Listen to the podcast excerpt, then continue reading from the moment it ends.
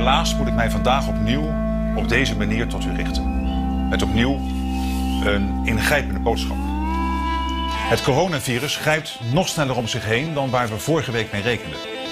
En daarom gaat Nederland voor een periode van in ieder geval vijf weken in lockdown. Nederland gaat op slot. Nee, het is geen déjà vu. Opnieuw zijn de sportscholen gesloten. En dit keer komt het wel heel slecht uit, zo vlak voor de feestdagen. Je weet wel, die feestdagen waar nogal wat eten op tafel komt te staan. Helemaal bij mijn familie. En dit gebeurt net terwijl ik de mijlpaal van een gewicht lager dan 100 kilo in zicht heb. Ik ben Aaron Lopatti, journalist en podcastmaker bij BNR Nieuwsradio. En oh ja, ik heb morbi... Oh nee, ik heb obesitas. Maar daar ga ik van afkomen. Het is uh, nieuwjaarsnacht. En op de achtergrond hoor je misschien nog wat vuurwerk. Ik lig in bed, het is uh, half drie. Het zijn eigenlijk best wel bizarre weken. De podcast is net uitgekomen. En de reacties die ik heb gekregen zijn hartverwarmend. Ik had niet verwacht dat zoveel mensen naar zouden luisteren en dat ik zoveel berichten zou ontvangen. Dat ten eerste. Daarnaast, uh, ja, we zitten in een lockdown nu. Het is het bijna drie weken. Voelt al best wel lang aan. En dat betekent ook dat ik niet meer naar de sportschool kan. En ik merk dat wel. Ik merk dat ik het uh, wat minder snel afval. Ik sta wat vaker op de weegschaal en het gaat wat minder snel allemaal. Ik probeer nieuwe manieren te vinden. Ik ben gaan, wat vaker gaan hardlopen, maar ik ben heel erg bang voor een blessure. En daardoor hou ik me toch wel een beetje in. En daarnaast, ja, de feestdagen. Kerst is uh, vorige week geweest. Ja, het is nu uh, oud en nieuw. Ik zeggen dat ik met kerst wel... Is toch wel, wel veel gegeten. En ik met Oudjaarsdag ook. Ik merk dat ik me moeilijk kan inhouden op zulke momenten. En uh, ja, toch echt ja, gewoon heel veel ongezond eten. Het is gewoon alsof ik weer helemaal los ging. En uh, alsof het gewoon weer de oude ik was. Ik heb wel gewoon ervan genoten op de een of andere manier, maar ik wil niet het vasthouden of zo. En ik weet ook gewoon dat ik dat niet ga doen. Want ik weet dat ik de komende dagen gewoon weer gezonder ga leven dan hoe ik dat vandaag heb gedaan. Of hoe ik dat heb gedaan tijdens de kerstdagen. Ik denk als ik zolang ik dat maar in mijn hoofd houd, dat het dan wel goed gaat komen. Dat ik gewoon de juiste balans weet te houden. Ik heb me nu al voorgenomen dat ik morgenavond, nou vanavond eigenlijk, uh, weer ga hardlopen. En uh, dan is het weekend. En dan ga ik uh, gewoon door. Ja, de feestdagen die deden mij niet echt goed. Nu de sportscholen dicht zijn, kan ik de kilo's er moeilijk afsporten. Ik ben liefst 3 kilo aangekomen. Maar ja, op de lange termijn, dan moet het goed komen. Ja, ik doe wat meer aan hardlopen, maar dat gaat ook wel met veel moeite. Ik heb nooit echt goede training gehad hiervoor. En ik loop ook hier weer wat hard van stapel. Maar het werkt wel. Het is uh, 8 januari en ik uh, ben van plan om me weer eens te gaan wegen. Dus ik pak de weegschaal er weer bij. Ik ga zo opstaan. Ik leg mijn mobiel even weg. Dat gewicht moeten we natuurlijk niet meetellen.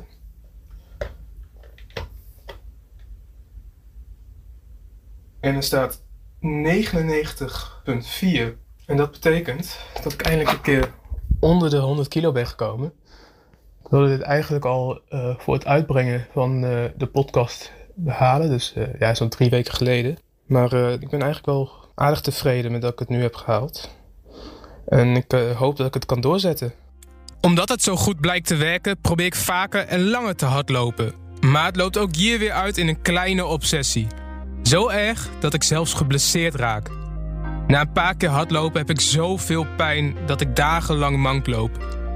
Noodgedwongen stop ik wekenlang met hardlopen. Een homeworkout ervoor in de plaats doen kan wel, maar het voelt weinig intensief. Ik heb een roeiapparaat thuis, een set dumbbells, maar helaas ook een gebrek aan motivatie. Ik probeer dan maar wat meer te wandelen, maar ook dat voelt weinig intensief. Nadat ik begin februari op de 95 kilo ben beland, blijf ik een tijd lang rond dat gewicht zweven. Het lukt me maar niet om meer af te vallen, terwijl ik wel graag nog richting de 80 kilo wil.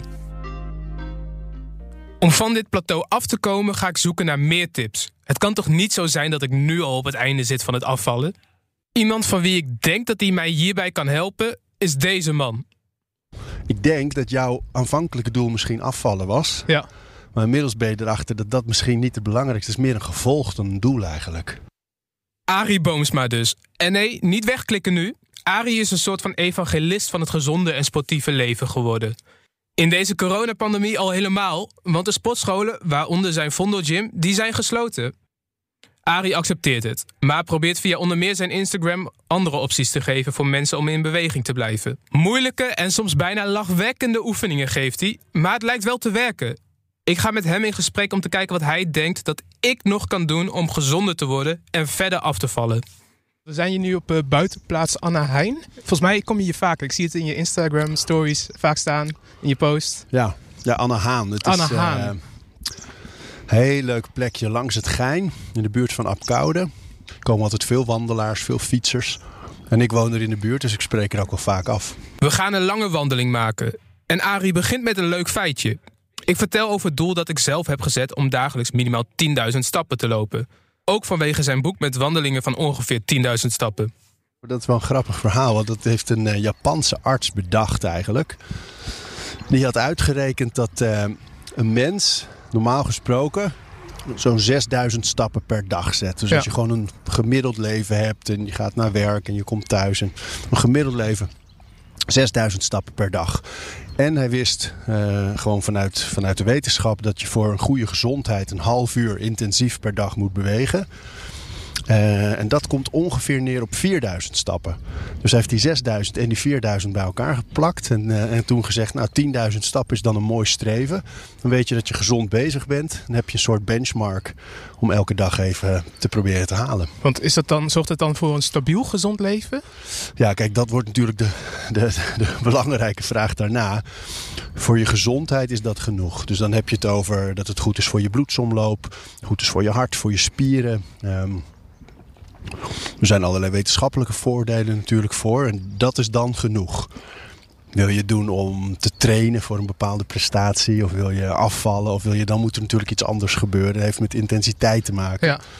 Maar gewoon voor je gezondheid, voor de meeste mensen het belangrijkste natuurlijk, is, het, eh, is dat al genoeg. Ja. Je had het net over die intensiteit. Ehm, ik ben nu sinds begin vorig jaar bezig met afval. Ik woog 150 plus kilo.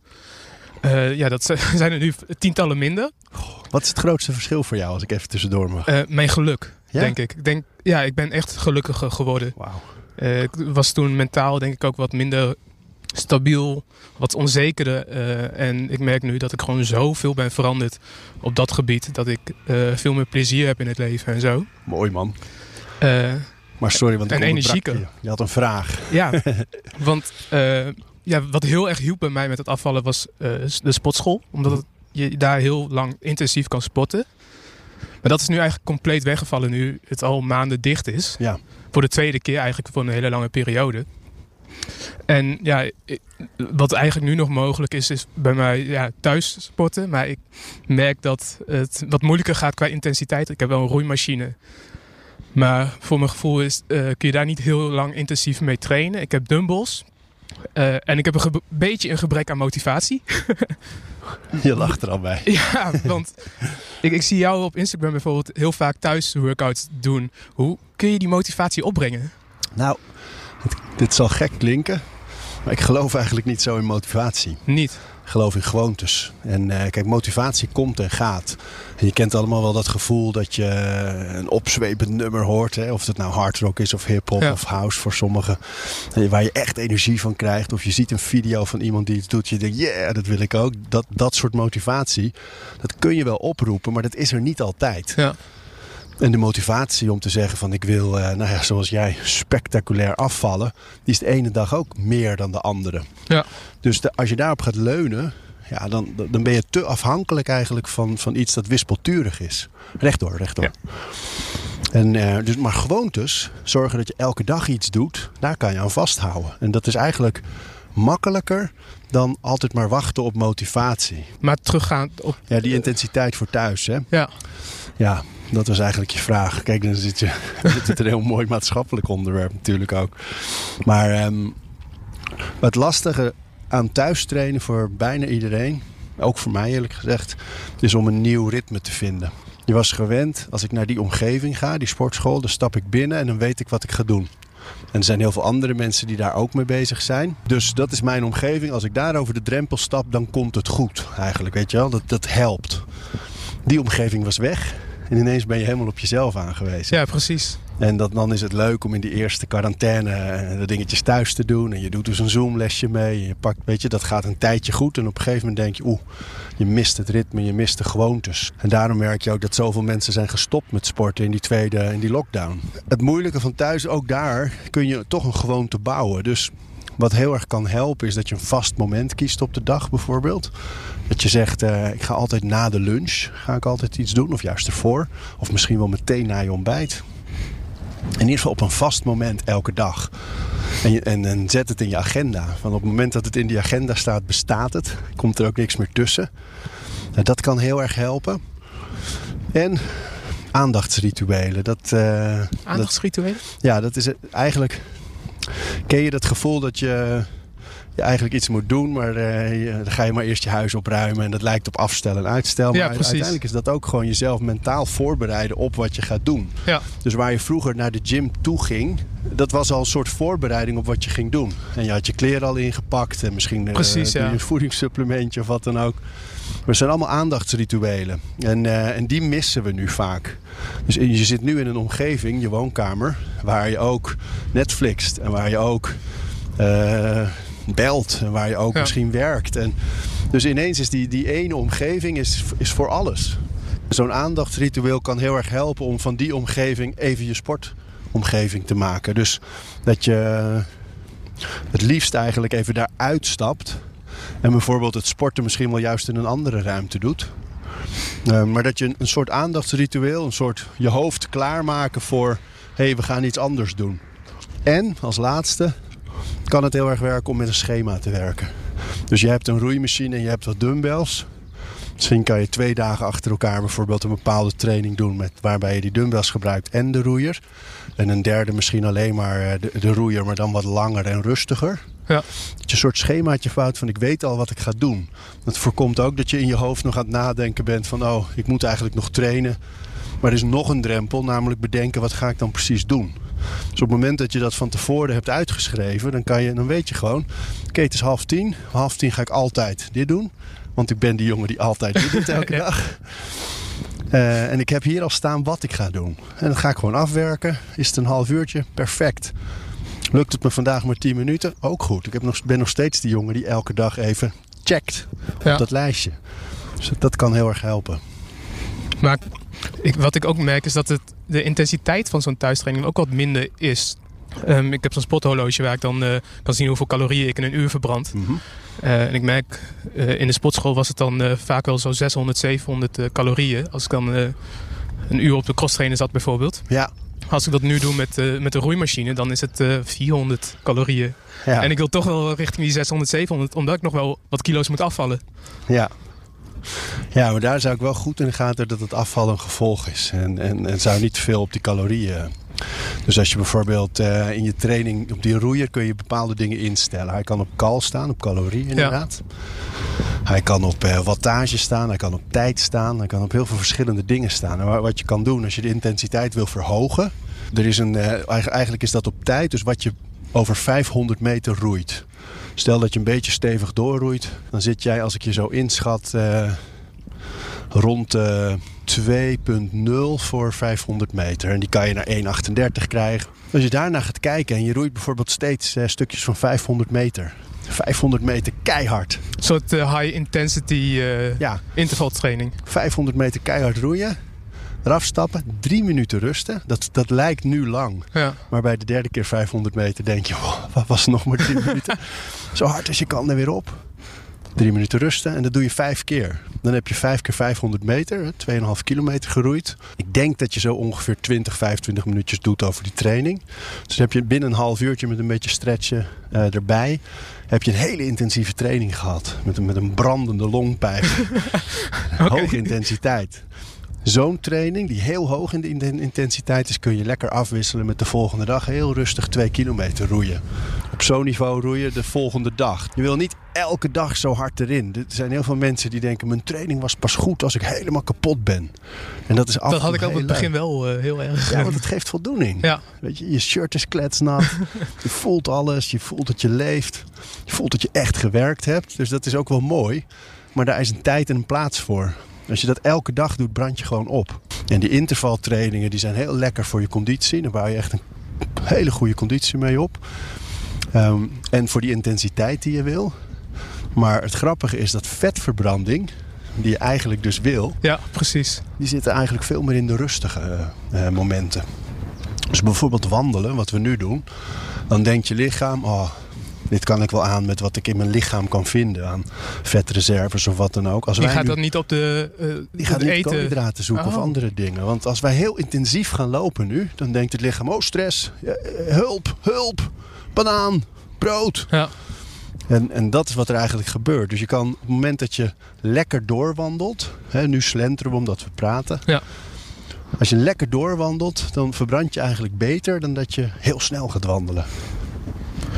Over wandelen gesproken, ik ben volgens mij mijn ommetje-app vergeten aan te zetten. Dat is, vind ik, ook een hele goede manier ja, om... fantastisch. Uh, Hersenstichting en Erik Scherder, ja, dat is zo'n goed idee.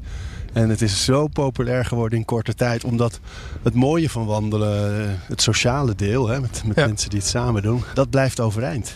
Ja. Want die, je doet nog steeds, je kijkt nog steeds. Hé, hey, mijn collega of mijn vriend of vriendin. Precies. Wat heb competitie jij gedaan? Voor ja, er zit een competitie op een leuke manier in. Je houdt een beetje stok achter de deur. Hele goede app. Ja. Maar dus wandelen is dan, als ik het goed begrijp, juist een hele goede manier om vet te verbranden. Zeker. Bodybuilders doen het bijvoorbeeld veel. Die zie je vaak op loopbanden. Dan zetten ze hem soms wel een beetje scheef, hè, dat die ja. benen nog lekker branden. Ja. Maar die wandelen rustig omdat die vetverbranding dan uh, goed blijft. Als die te hard gaan rennen bijvoorbeeld, uh, ja, dat, dat is voor, voor bodybuilders sowieso lastig met die grote spieren. ja. Maar nee, nee, lopen is een hele goede manier van verbranden. Oh, want ik ben juist begonnen met wandelen omdat ik merkte, ja, ik kan niet te vaak hardlopen, want dan gaan mijn benen gewoon kapot. Ja. Ik had gewoon een tijdje dat ik uh, een paar dagen gewoon mank liep, oh. omdat ik te vaak ging hardlopen. Um, en wandelen doe ik dan ja, ter afwisseling, maar voor mijn gevoel werkte dat niet om af te vallen. Maar dat is dan ook niet het doel wat ik dan moet hebben, als ik het goed begrijp nu. Nou ja, je moet het lekker doen zoals je, zoals je wil natuurlijk. Maar weet je, kijk, het is ook een lekkere afwisseling. En hardlopen is fantastisch als, als je dat kan. Joh, doe het. En, uh, maar wissel het lekker af met die wandelingen. En je mag er echt van uitgaan. Soms is het niet meteen. Dus je ziet bijvoorbeeld niet op je meter van... oeh, ik heb zoveel calorieën verbrand. Ja. Want dat is uiteindelijk weer iets anders. Weet je wel? Maar je lichaam heeft natuurlijk brandstof nodig. En wij zijn gewend geraakt aan uh, calorieën verbranden. Hè? Aan, Ja. aan koolhydraten of andere dingen. Um, aan, aan voeding eigenlijk. Dus mensen denken, oh, ik moet een banaan voordat ik iets ga doen. Of ik moet, ik moet eten voordat ik... Want ik moet dat verbranden. Terwijl je lichaam kan heel goed gewoon wat er in je lichaam aanwezig is Ja, gebruiken. precies. als Dat probeer ik te doen ook. Van, ik weet dat ik eh, vetreserves heb om te verbranden eh, ja, tijdens het sporten. En Ja. dat dat het doel is. Ja, Maar dat is dus eh, heel goed bij het wandelen. heel goed. Ja, en dat zie je dus niet meteen terug op je meter. Maar je leert je lichaam wel eigenlijk aan om, om je eigen reserves aan te spreken. Ik word wakker geschud door Ari. Ik merk dat als ik mijn calorieën ga tellen, dat ik dan makkelijker afval. Toch zit er een gevaar in volgens Ari. Het werkt om goed bij te houden hoeveel calorieën je binnenkrijgt en hoe, dus hoeveel je moet verbranden. Omdat die optel soms simpel is. Van Ja. als ik zoveel calorieën binnenkrijg en ik verbrand er zoveel, is het resultaat dat ik afval. Ja.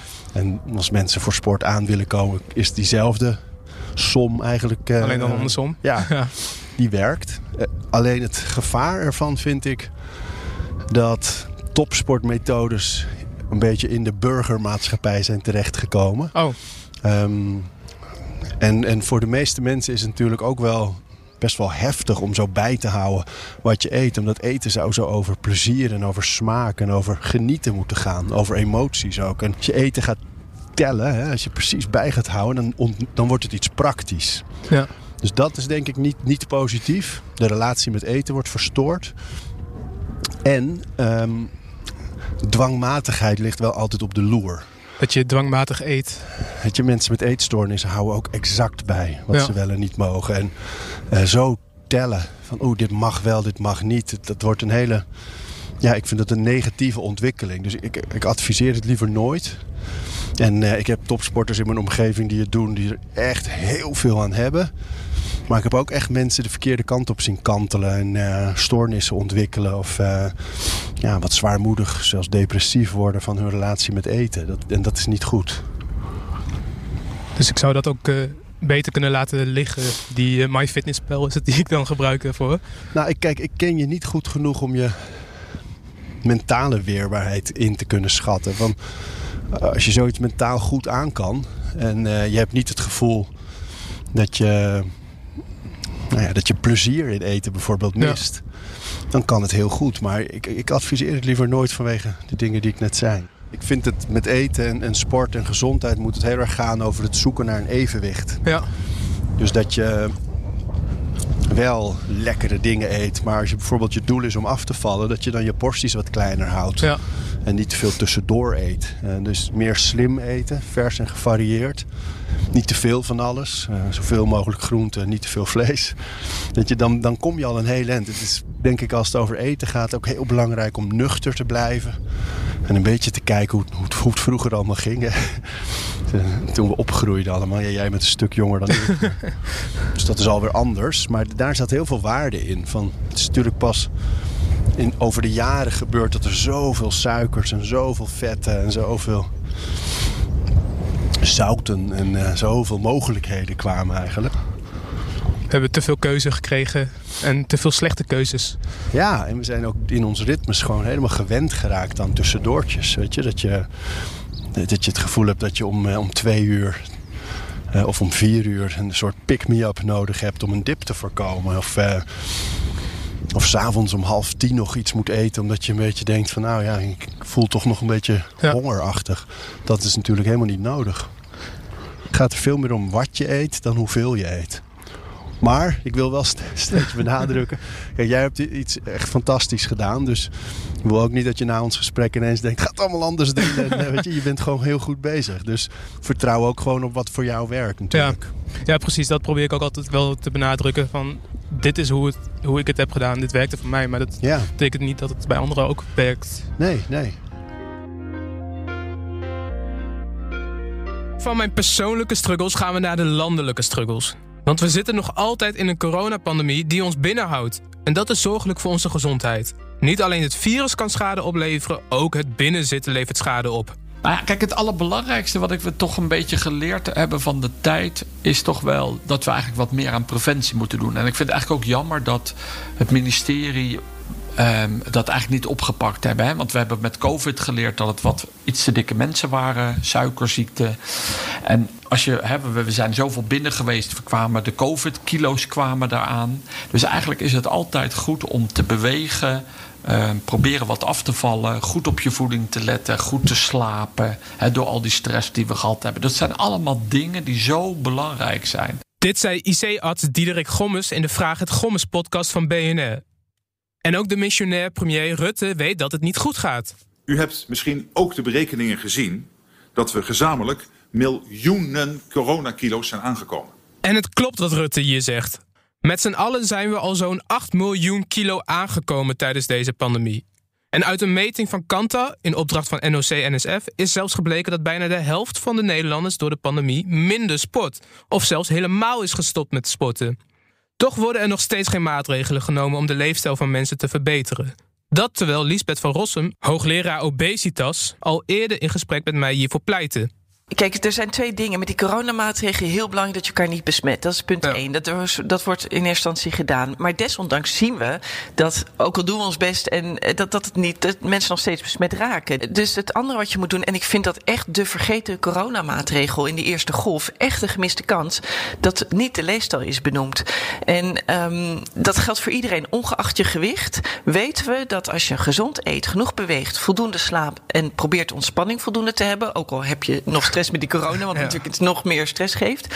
Die vier elementen die geven dat je immuunsysteem wordt versterkt. Terug naar het gesprek met Ari, want hij verbaast zich ook hierover. Ik ben een soort van evangelist geworden van uh, ja, gezonde leven in coronatijd om de sport en de sportscholen te openen. Eigenlijk wel vanaf het begin van dat de sportscholen gesloten zijn. Ja, Ja, ik had er zelf een paar keer eh, wat over geroepen. En eh, toen hebben ze vanuit de branche eh, ook gevraagd of ik echt een beetje naar voren wilde treden ook. Hier en daar het woord voeren. En als ik uit werd genodigd door media, dat ook echt een beetje namens de branche te doen. Ja. Ja, en toch ook wel de, het gevoel van noodzaak om te roepen: jongens, er gebeurt iets heel erg geks. Dat was aan het begin van vorig jaar dat, dat ze besloten de cafés open te gooien en de sportscholen dicht te houden. Ja, Dat was. een beetje wrang gevoel. Ja. eh, ja, en, eh, maar ook gewoon, ja, ik, ik, in een gezondheidscrisis zou de allereerste versoepeling zou moeten gaan over gezondheid. En sterker nog, ik denk dat er heel veel voor te zeggen is om in zo'n crisis, zo'n gezondheidscrisis over de hele wereld, sport en beweging altijd open te houden. En ik bedoel dan niet alleen de sportscholen, maar juist ook de velden, de hallen, de studio's, de zalen. Eh, de verenigingen dus ook. Ja. Weet je, dat mensen blijven bewegen. Want het is echt schrikbarend wat er nu gebeurd is. Ik wil vooropstellen, dat- ik sta echt achter de overheid in de zin van, eh, de, weet je, dit is geen makkelijke situatie. En ik vind dat heel veel heel goed gaat. Maar wat ik mis is visie op gezondheid. En dat je zegt, oké, dat vaccineren is nu belangrijk. Laten we zeggen, zorgen dat dat veel sneller gebeurt, zoals in andere landen. Ehm, zodat die vaccinatiegraad hoog is. Maar laten we parallel daaraan ook meteen investeren in de gezondheid van het land. Dus hup, die btw van groente en fruit af. Eh, eventueel een suikertax invoeren. Maar vooral zorgen dat de mensen in beweging kunnen blijven. En dat heeft er nu steeds aan gemist. ja, je, je roept het nu al ruim een jaar. En het lijkt niet gehoord te zijn. ja, je hebt contact met de branche. Die branche die heeft volgens mij weer contact met het ministerie. Ja, ja we hebben een strategiegroep. Eh, daarin zitten vooral grote ketens. Fit for Free, Basic Fit, ehm, Anytime Fitness. Weet je, echt grote. Ja. Met allemaal honderden filialen. En, eh, en wij zitten daar ook in met Vondel Gym. Kleine groep natuurlijk. Ehm, die groep die heeft dagelijks contact met het ministerie en af en toe met de minister. Dagelijks. Bijna dagelijks, ja. ja. Waar gaat het dan over dagelijks? Want Ja, op een gegeven moment lijkt het de boodschap toch wel... eh, ja, nou ja, dat gaat nu bijvoorbeeld over eh, als we straks weer open kunnen. eh, wat is dan de beperking? Met hoeveel mensen mag je binnen zijn? Gaat Ja. dat op de vierkante meter? Of gaat dat per gewoon voor iedereen één lijn van 30 Ja. mensen? Over dat soort dingen. Het moeilijke is dat zelfs de minister zegt: nee, we zien het belang.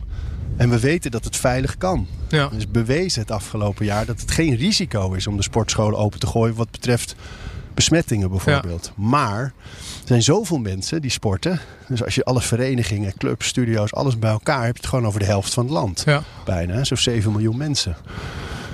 Als die allemaal weer op gang komen, zijn ze bang voor het toenemend aantal contactmomenten. Ja. En dat is de reden dat ze het nu dicht houden. Maar daarvan zeggen wij dan natuurlijk weer, dat is geen gegronde reden. Want als je de terrassen opengooit, moet je op zijn minst kijken naar buitensport. En zouden de voordelen van ja, sporten eh, en dus een gezonder leven creëren ook meer opwegen dan de nadelen die corona zouden brengen? Ja, dat denk ik wel. Ik denk sowieso dat de offers nu te groot zijn voor wat het allemaal oplevert, wat we aan het doen zijn.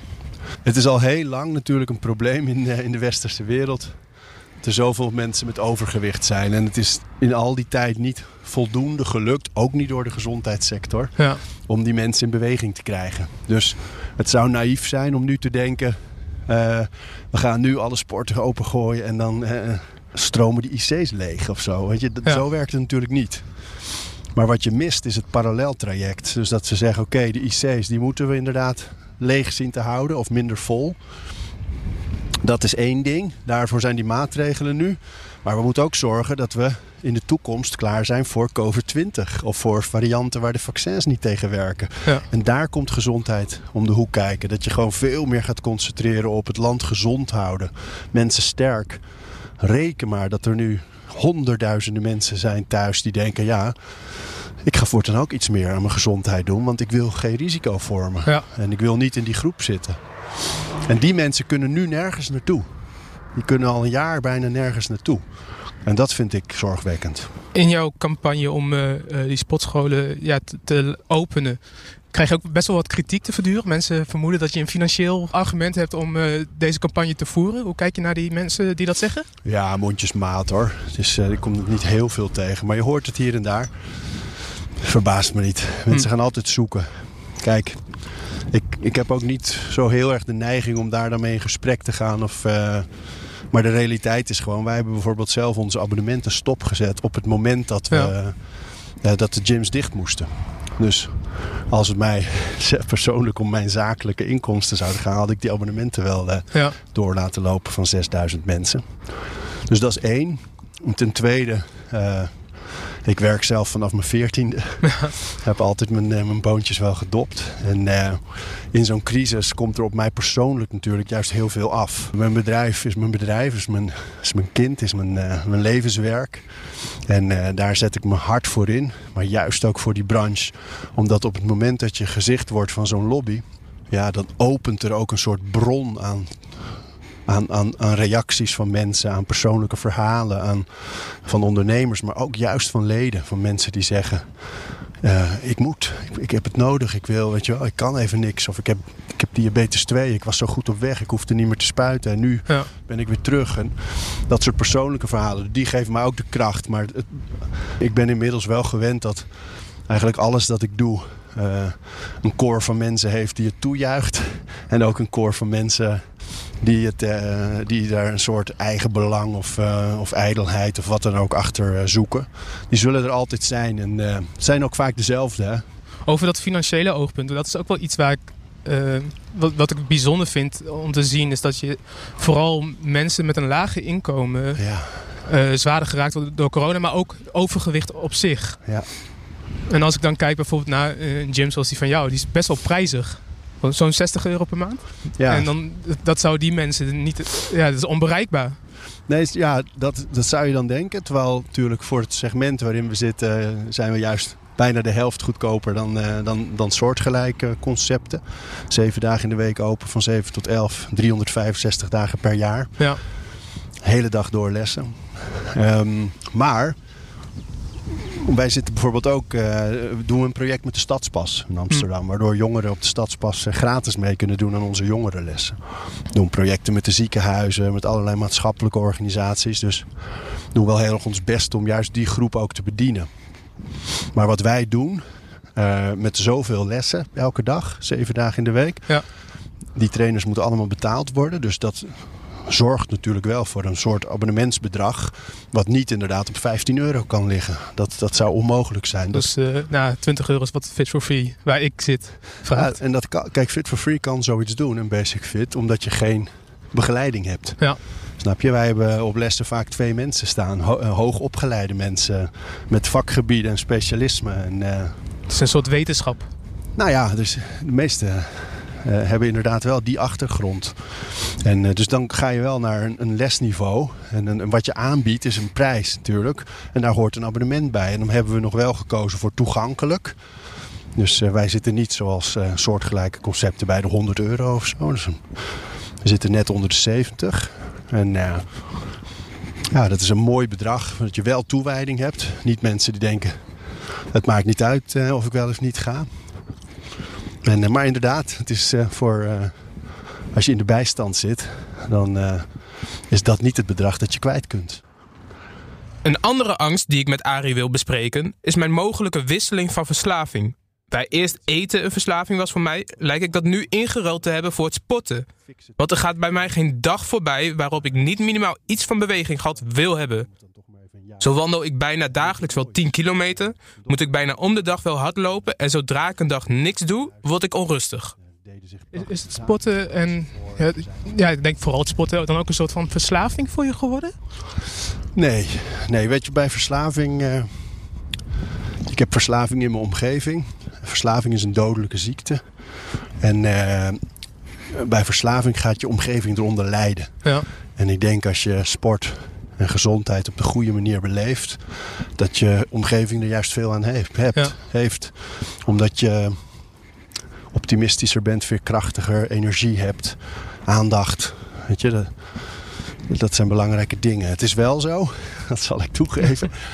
Ehm, en dat lijkt- Is dat het? ja, misschien wel een beetje. Maar het is ook zeker zo dat als ik om welke reden dan ook eens een dagje eh, mis, dat, dat, dat, ja, dan heb ik niet het lekkerste gevoel. Ik herken dat heel erg, Ja, moet wat ik zeggen. ja, ik, ik word er een beetje onrustig van. Dat, maar ik voel dan ook gewoon de drang om dan nog wel Iets te, iets te gaan doen. En als ik aan het eind van de dag helemaal niks heb gedaan, dan denk ik, ja, dan heb ik bijna het gevoel, dat oude gevoel terug van toen ik nog ongezond en eh, enorm eh, overgewicht en morbide obesitas, obesitas had. Kijk, ik denk dat onrust goed is. Hm. Schuldgevoel niet. En daar zit wel, denk ik, een heel groot verschil in dat gevoel. Op het moment dat je jezelf niet goed voelt over jezelf, omdat je niet gesport hebt, ja, dat- is niet oké. Hm.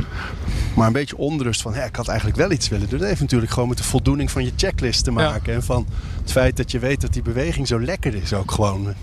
Dus welke is het bij jou? Eh, ja, ik denk vooral dat laatste. Gelukkig. Ja. Ja, ja joh, beter. Maar dat is heel erg oké. Want dat houdt je ook gaande, weet je wel. Dat gevoel zorgt er ook voor dat je het bijna elke dag doet. ja. En eh, dus dat, ik, ja, daar zou ik me niet te veel druk om maken hoor. Want ik zeg ook vaak tegen mensen dat ik een, soort ja, dat ik een eetverslaving heb ingeruild voor een sportverslaving. Omdat- Omdat ik op een gegeven moment, toen de sportscholen nog open waren, wel eh, wat is het, vijf keer in de week drie uur per keer in de sportschool zat. Zo joh, ja. En dat, dat voelde dan ook wel als een soort Verslaving. verslaving. ja. Ja, ja. ja ik zou, kijk, verslaving heeft eh, randverschijnselen waar je het aan kan herkennen. Hè? Dus, en dat heeft vooral met die negatieve gevoelens te maken als je het niet doet, als het er niet is. Ja. Dat je niet leuk bent voor je omgeving of voor jezelf als het, als het er niet is. Dat uiteindelijk die omgeving er ook echt onder lijdt. En ja, helaas is het bij verslaving gewoon echt zo dat als het de tijd krijgt, de dood erop volgt. Ja. Dat is gewoon een, een van, van de feiten en definitie. En dat denk ik dus dat bij sport niet heel snel zo is. Maar het gebeurt wel. Ik denk niet, als ik jou zo een beetje volg en hoor en je podcast beluister en je zie, dan denk ik eerder dat het een soort bijna monomane daadkracht is. Vastgebeten in iets dat voor je werkt. En daardoor lekker veel tijd erin willen steken, want, want het werkt en het doet je Ja. goed. En dat vind ik eerlijk gezegd een hele positieve ontwikkeling. En ik denk ook dat het normaal is om in het begin van zo'n periode zoveel tijd erin te steken. En dat er op een gegeven moment iets ontstaat van eh, stabiliteit en een vaste structuur. Dat je gewoon weet, elke dag even, maar ge- hoeft geen drie uur. Dat is overdreven. Nou ja, ik doe het ook wel eens. Het- Als je ergens zo van geniet, weet je wel, het is zo leuker dan tijd te besteden aan waar je on- ontzettend van geniet. Ja. Dat is gewoon, dus dat is helemaal niet erg, joh. Maar bij mij was het dan ook wel drie uur intensief. Ik verbrandde dan 2000 calorieën volgens mijn horloge. Ja, Het voelt bijna ongezond als ik er nu ook naar terugkijk. ik hoor aan hoe je het nu zegt dat je zelf het gevoel hebt dat het te veel was. Nou, dan is dat je conclusie nu en dan richt je straks anders in. Dat is toch ook gewoon wat er gebeurt. Het is alleen maar mooi als je zo eh, blijft ontwikkelen en leren. Als straks de sportscholen weer open zijn, dan is het ook voor iedereen weer het moment naar de sportschool te gaan, weer in je ritme te zetten. Hoe, heb je daar tips voor? Hoe, hoe je dat weer op gang krijgt? Want voor, normaal is het al om de stap te zetten naar de sportschool is al groot. Ja, En het duurt dan even totdat je het weer ingebouwd hebt in je dagritme of in Ja. je weekritme. Hoe, hoe moet dat straks? Ik hoop dat het thuiswerken nieuwe ritmes brengt. En dat thuiswerken doorzet. En dat het in de sport iets minder gericht zal zijn op de absolute pieken. Zoals nu is het 's ochtends voor het werk is een drukke piek in de, in de gym. Rond de lunch en s'avonds natuurlijk. Dat is overal altijd nog de grootste piek. Ehm, maar dat thuiswerken biedt natuurlijk een prachtige mogelijkheid om ineens om twee uur of drie uur of op dat soort tijden, als je met je werkgever kan overleggen van nou dan ben ik er even niet. Of misschien is jouw thuiswerk wel zo ingericht dat ze alleen maar zeggen aan het einde van de dag moet dit af zijn. Klaar. Ja, dan kan je het zelf indelen. En eh, dat zou fantastisch zijn als mensen veel meer gingen spreiden over de dag. Ook voor de druk op het verkeer. En eh, makkelijker te handhaven met maatregelen ook trouwens. Maar, dus dat hoop ik. Dat dat doorgaat. En dat mensen dus iets meer gespreid komen.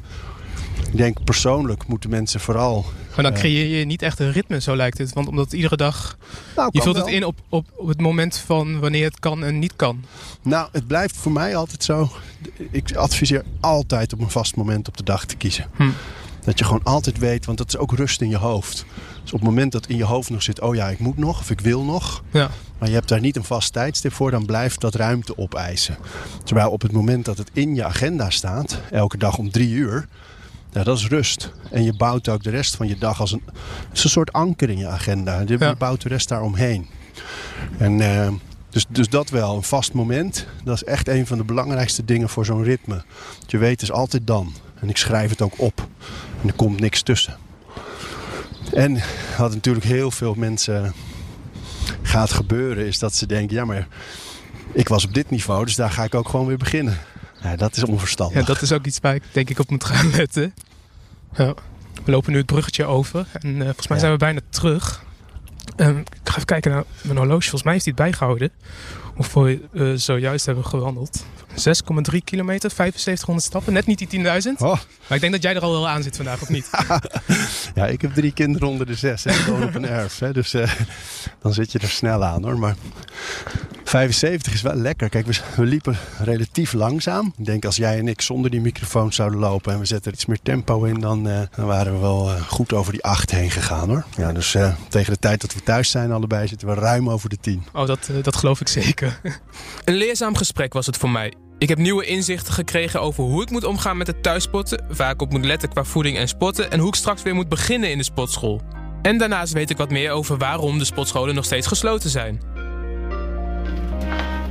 Met de tips van Ari ga ik aan de slag. Ik probeer wat vaker thuis te sporten, wat meer afwisseling te brengen in hardlopen en een lange wandeling.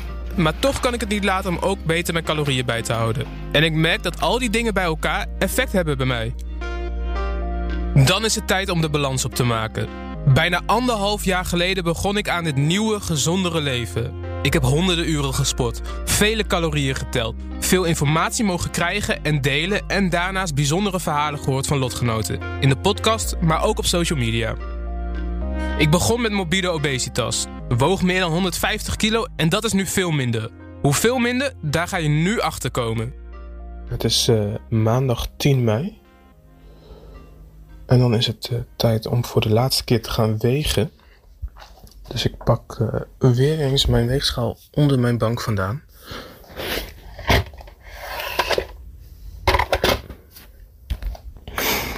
Eh, en dan ga ik er voor de laatste keer van deze podcast opstaan. En dan staat er 88,2 kilo op.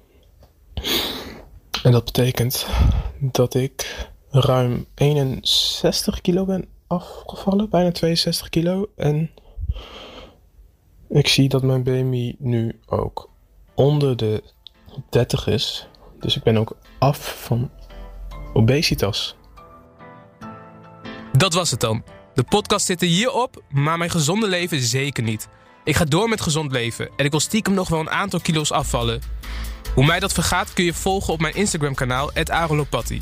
Daar deel ik meer over dit nieuwe gezonde leven en hoe ik dit ga vasthouden. Tot slot wil ik dan iedereen bedanken die mij hierbij geholpen heeft. Bij het maken van de podcast, maar vooral bij het gezonde leven. In mijn eentje had ik dit absoluut niet kunnen bereiken. En voor iedereen die zelf gezonder wil gaan leven, Zoek vooral wat past bij jou. Bij mij ging het met vallen en opstaan. Dit hielp voor mij. Maar dat betekent niet dat het voor jou ook de ideale manier is om gezonder te gaan leven. Zoek dus vooral een manier waarop een gezonder leven bereiken voor jou haalbaar is. En ik hoop dat jij dat dan kan bereiken.